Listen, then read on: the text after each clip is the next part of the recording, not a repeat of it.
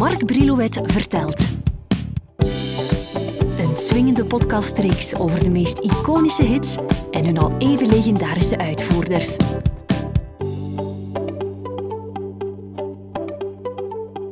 Hoe uh, populair de Franse muziek nog is in onze contraire is moeilijk te peilen. Ik heb het dan niet over de impact van een artiest als Stromae, die zijn succes staat buiten kijf. Maar ik denk bij deze dan terug aan de tijd dat je in onze hitlijsten vaak Franse chansons genoteerd zag staan.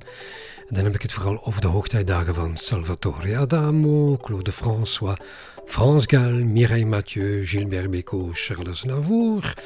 Je hoorde trouwens in de jaren 60 uh, eh, tot en met 80 vaak Franse liedjes over de radio. Ik mag aannemen dat dat de voorbije jaren sterk is geminderd. Dat neemt niet weg dat ik vandaag een singeltje uit mijn verzameling ga halen dat in 62 nogal wat deining veroorzaakte, niet alleen in Frankrijk, maar ook ver daarbuiten. Ik merk hier en daar dat het de wat oudere generatie nog altijd erg aanspreekt. En dan uh, heb ik het de komende minuten over Tous les garçons et les filles van Françoise Hardy. Françoise werd in een Parijs hospitaal in 1944 geboren als dochter van Etienne Dillard en Madeleine Hardy. Je zal terecht opmerken, hè, tja, waarom draagt ze de familienaam van haar moeder?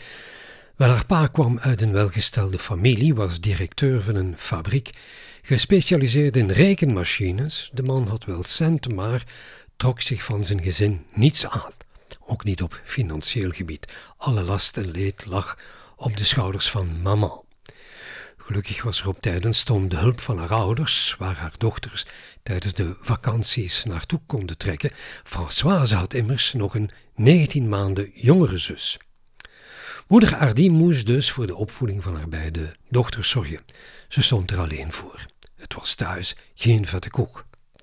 Françoise weet nog goed dat ze haar kinderjaren vaak geïsoleerd doorbracht, alleen op haar kamer, boeken lezend, spelend met haar poppen en luisterend naar de radio. Na lang aandringen van hun vader, want daar stond hij op, gingen de twee meisjes naar het Institution Bruyère Saint-Isabelle, een katholieke privéschool in Parijs. Een school met standing. Françoise voelde meteen de kloof tussen haar opvoeding en die van haar klasgenoten. Ze moest ook nog met de schande leven dat haar vader soms een jaar achterop lag met de betalingen. Françoise was ook niet tevreden met haar uiterlijk, haar lange benen en ze was graadmager. Gelukkig was er nog de radio en kon ze haar verdriet verbijten door te luisteren naar vooral Anglo-Saxische muziek, want ze was verliefd geworden op de Engelse taal. Haar idolen waren onder andere Elvis Presley en Paul Enka. Put your head on my shoulder.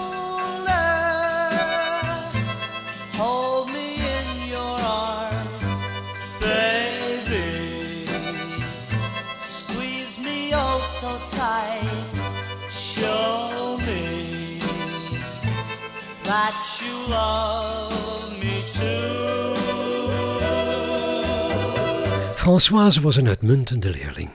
Ze mocht tijdens haar middelbare studies twee jaar overslaan, zodat ze op haar zestiende al een diploma op zak had. Haar vader kon niet anders dan zijn dochter feliciteren.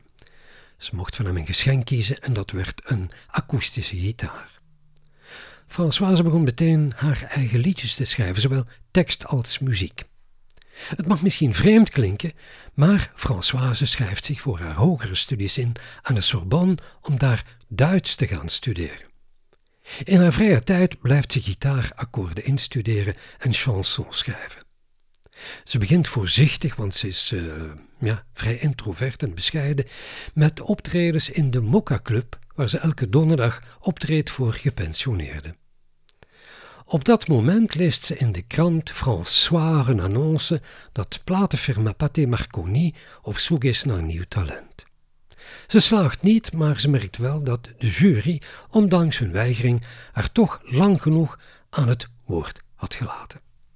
Ze was ook blij met de demoversie die ze mee naar huis kreeg en was aangenaam verrast door haar eigen stemgeluid. Toen ze aan de jury vroeg waarom ze niet geslaagd was, kreeg ze te horen dat haar stem te zeer leek op deze mevrouw, Marie-José Neuville, bijgenaamd La Collégienne de la Chanson. Tu as 18 ans, tu peux sans te observer tout un chacun. Mais hélas, si tu le comptes enfant prodige, tu deviens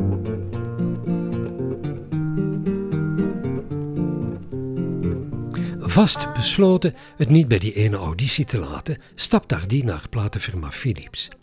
Die hebben voldoende belangstelling voor haar, maar adviseren haar toch eerst zangles te gaan volgen en hier en daar nog wat ervaring mee te pikken. Ze schrijft zich in 61 in aan Le Petit Conservatoire de la Chanson. Die school was bedoeld voor jong talent dat graag een kans wou wagen bij de radio en de televisie, een unieke school in Frankrijk. Françoise werd meteen aangenomen door Madame Mireille, die die school had opgericht. Ongeduldig als ze is en overtuigd van haar talent, doet Françoise mee aan een auditie op het getouw gezet door platenfirma Vogue. We zijn dan de 14e mei 61. Hier krijgt ze van de basis Serge Gordon en Leo Vadili het advies zangles te gaan volgen, ook notenleer, en zich tijdens haar optredens door een pianist te laten begeleiden. Beide heren zijn enorm onder de indruk van Ardis uiterlijk. Het is hun klanktechnicus André Bernot die Ardi zal begeleiden qua opleiding. Hij leert haar de principes van de muziektheorie en leert haar hoe ze beter en constanter in het juiste ritme kan blijven zingen. Je suis d'accord pour le cinéma, pour le rock, le twist ou le cha-cha. Je suis d'accord pour tout ce que tu voudras, mais ne compte pas sur moi aller chez toi. Dans la rue, si nous nous promenons, je suis d'accord. Pour de longues stations, tu peux me faire. François Hardy met een liedje helemaal volgens de danstrend van toen, al twistend in Je suis d'accord. Vogue houdt Hardy constant in de gaten. Ze mag samen met geluidstechnicus André Bernot enkele liedjes als demo inblikken. Die komen terecht bij de toenmalige artistieke directeur van Vogue, Jacques Wolfson, de echtgenoot van Petula Clark. Die had een liedje klaar liggen voor Petula, Oh Oh Chérie, maar ze wou dat niet inblikken. Dus vroeg Jacques beleefd aan Françoise of ze dat liedje een kans wilde geven. Françoise zegt meteen wie en de 14 november krijgt ze van Vogue prompt een platencontract voor een jaar aangeboden. Oh oh, chérie, oui, j'aime tout ce que tu fais. Oh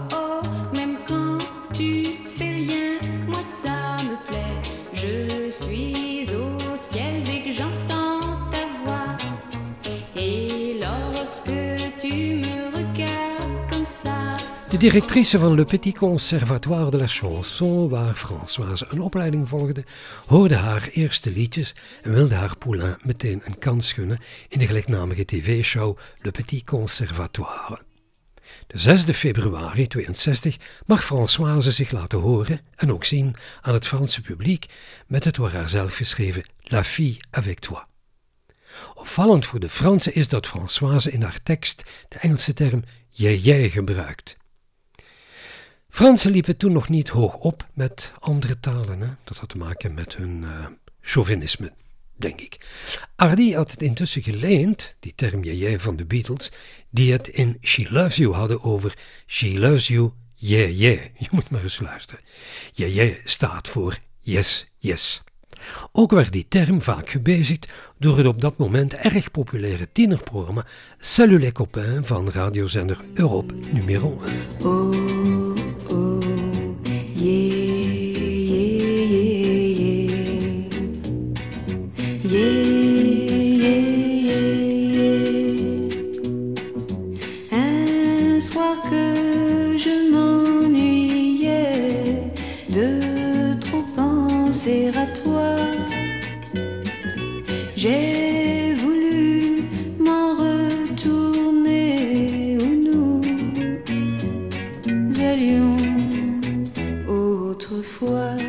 Mei 62 wordt er een EP'tje van Françoise Hardy op de markt gebracht.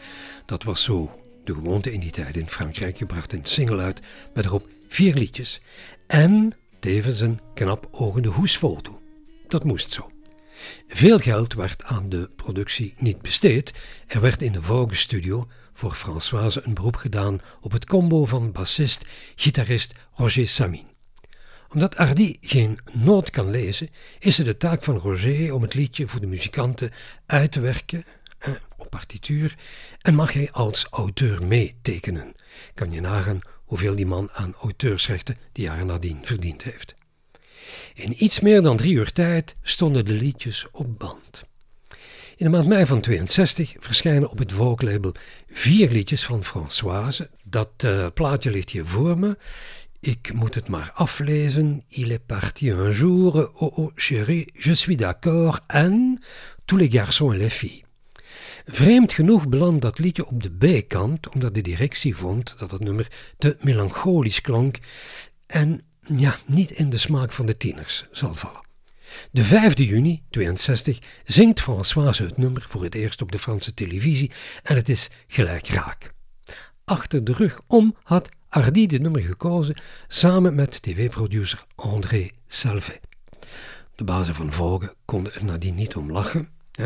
Hardy neemt ook nog eens samen met regisseur Pierre Badel een videoclip van het nummer op, te zien in de tv-show Toute la chanson. Die periode viel net samen met de Franse verkiezingen. Het publiek zat dus aan het tv-scherm gekluisterd, zodat het nummer kon rekenen op een enorme kijkdichtheid. Met alle gevolgen van dien, want binnen de kortste keren werden er in Frankrijk zo'n 700.000 exemplaren van Tous les garçons et les filles verkocht. Tous les garçons et les filles de mon âge se promènent dans la rue de Pardeux. Tous les garçons et les filles de mon âge savent bien ce que c'est qu'être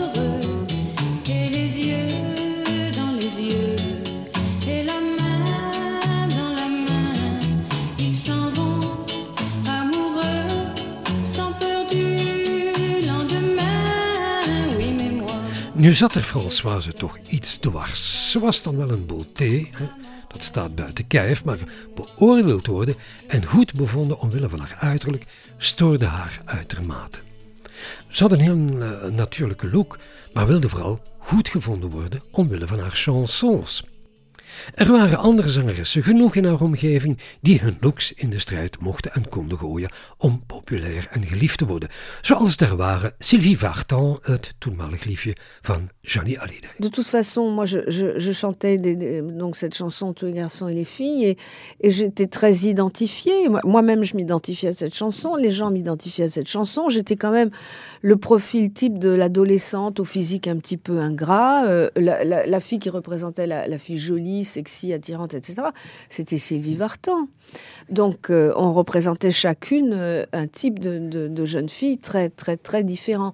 Et en, en fait, c'est uniquement à partir du moment où je suis allée en Angleterre que j'ai que j'ai réalisé que je pouvais avoir une toute autre euh, image et que je pouvais plaire euh, à, à des, à des hommes dont je, jamais je n'aurais imaginé que, que, je, que je puisse leur plaire. François Hardy wordt binnen de kortste keren en in de rest van Europa en landen als Canada een megaster. In die tijd was ook de jukebox nog erg populair, een medium dat zeker aan het succes van dat plaatje heeft meegeholpen. Aangespoord door dat succes en omdat ze tuk is op andere talen, wordt er snel beslist van het nummer ook een Italiaanse versie op te nemen, Quelli della mia età.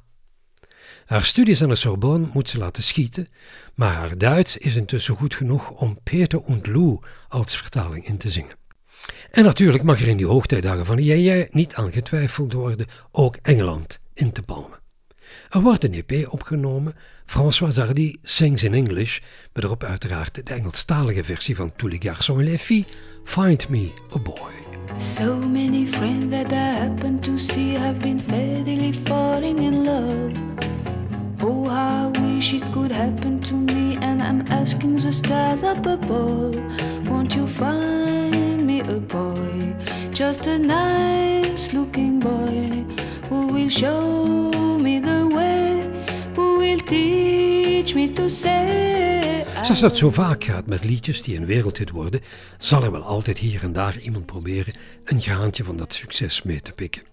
Zo dook in de jaren 80 een zekere zangeres Emmanuel op met Premier Baiser, dat nogal erg leek op het chanson van Hardy, maar om de carrière van die jonge dame niet in onnodig gevaar te brengen, besloot uh, Françoise geen klacht in te dienen. Aan jou bij deze de kans om te vergelijken of er sprake kan en mag zijn van plagiaat.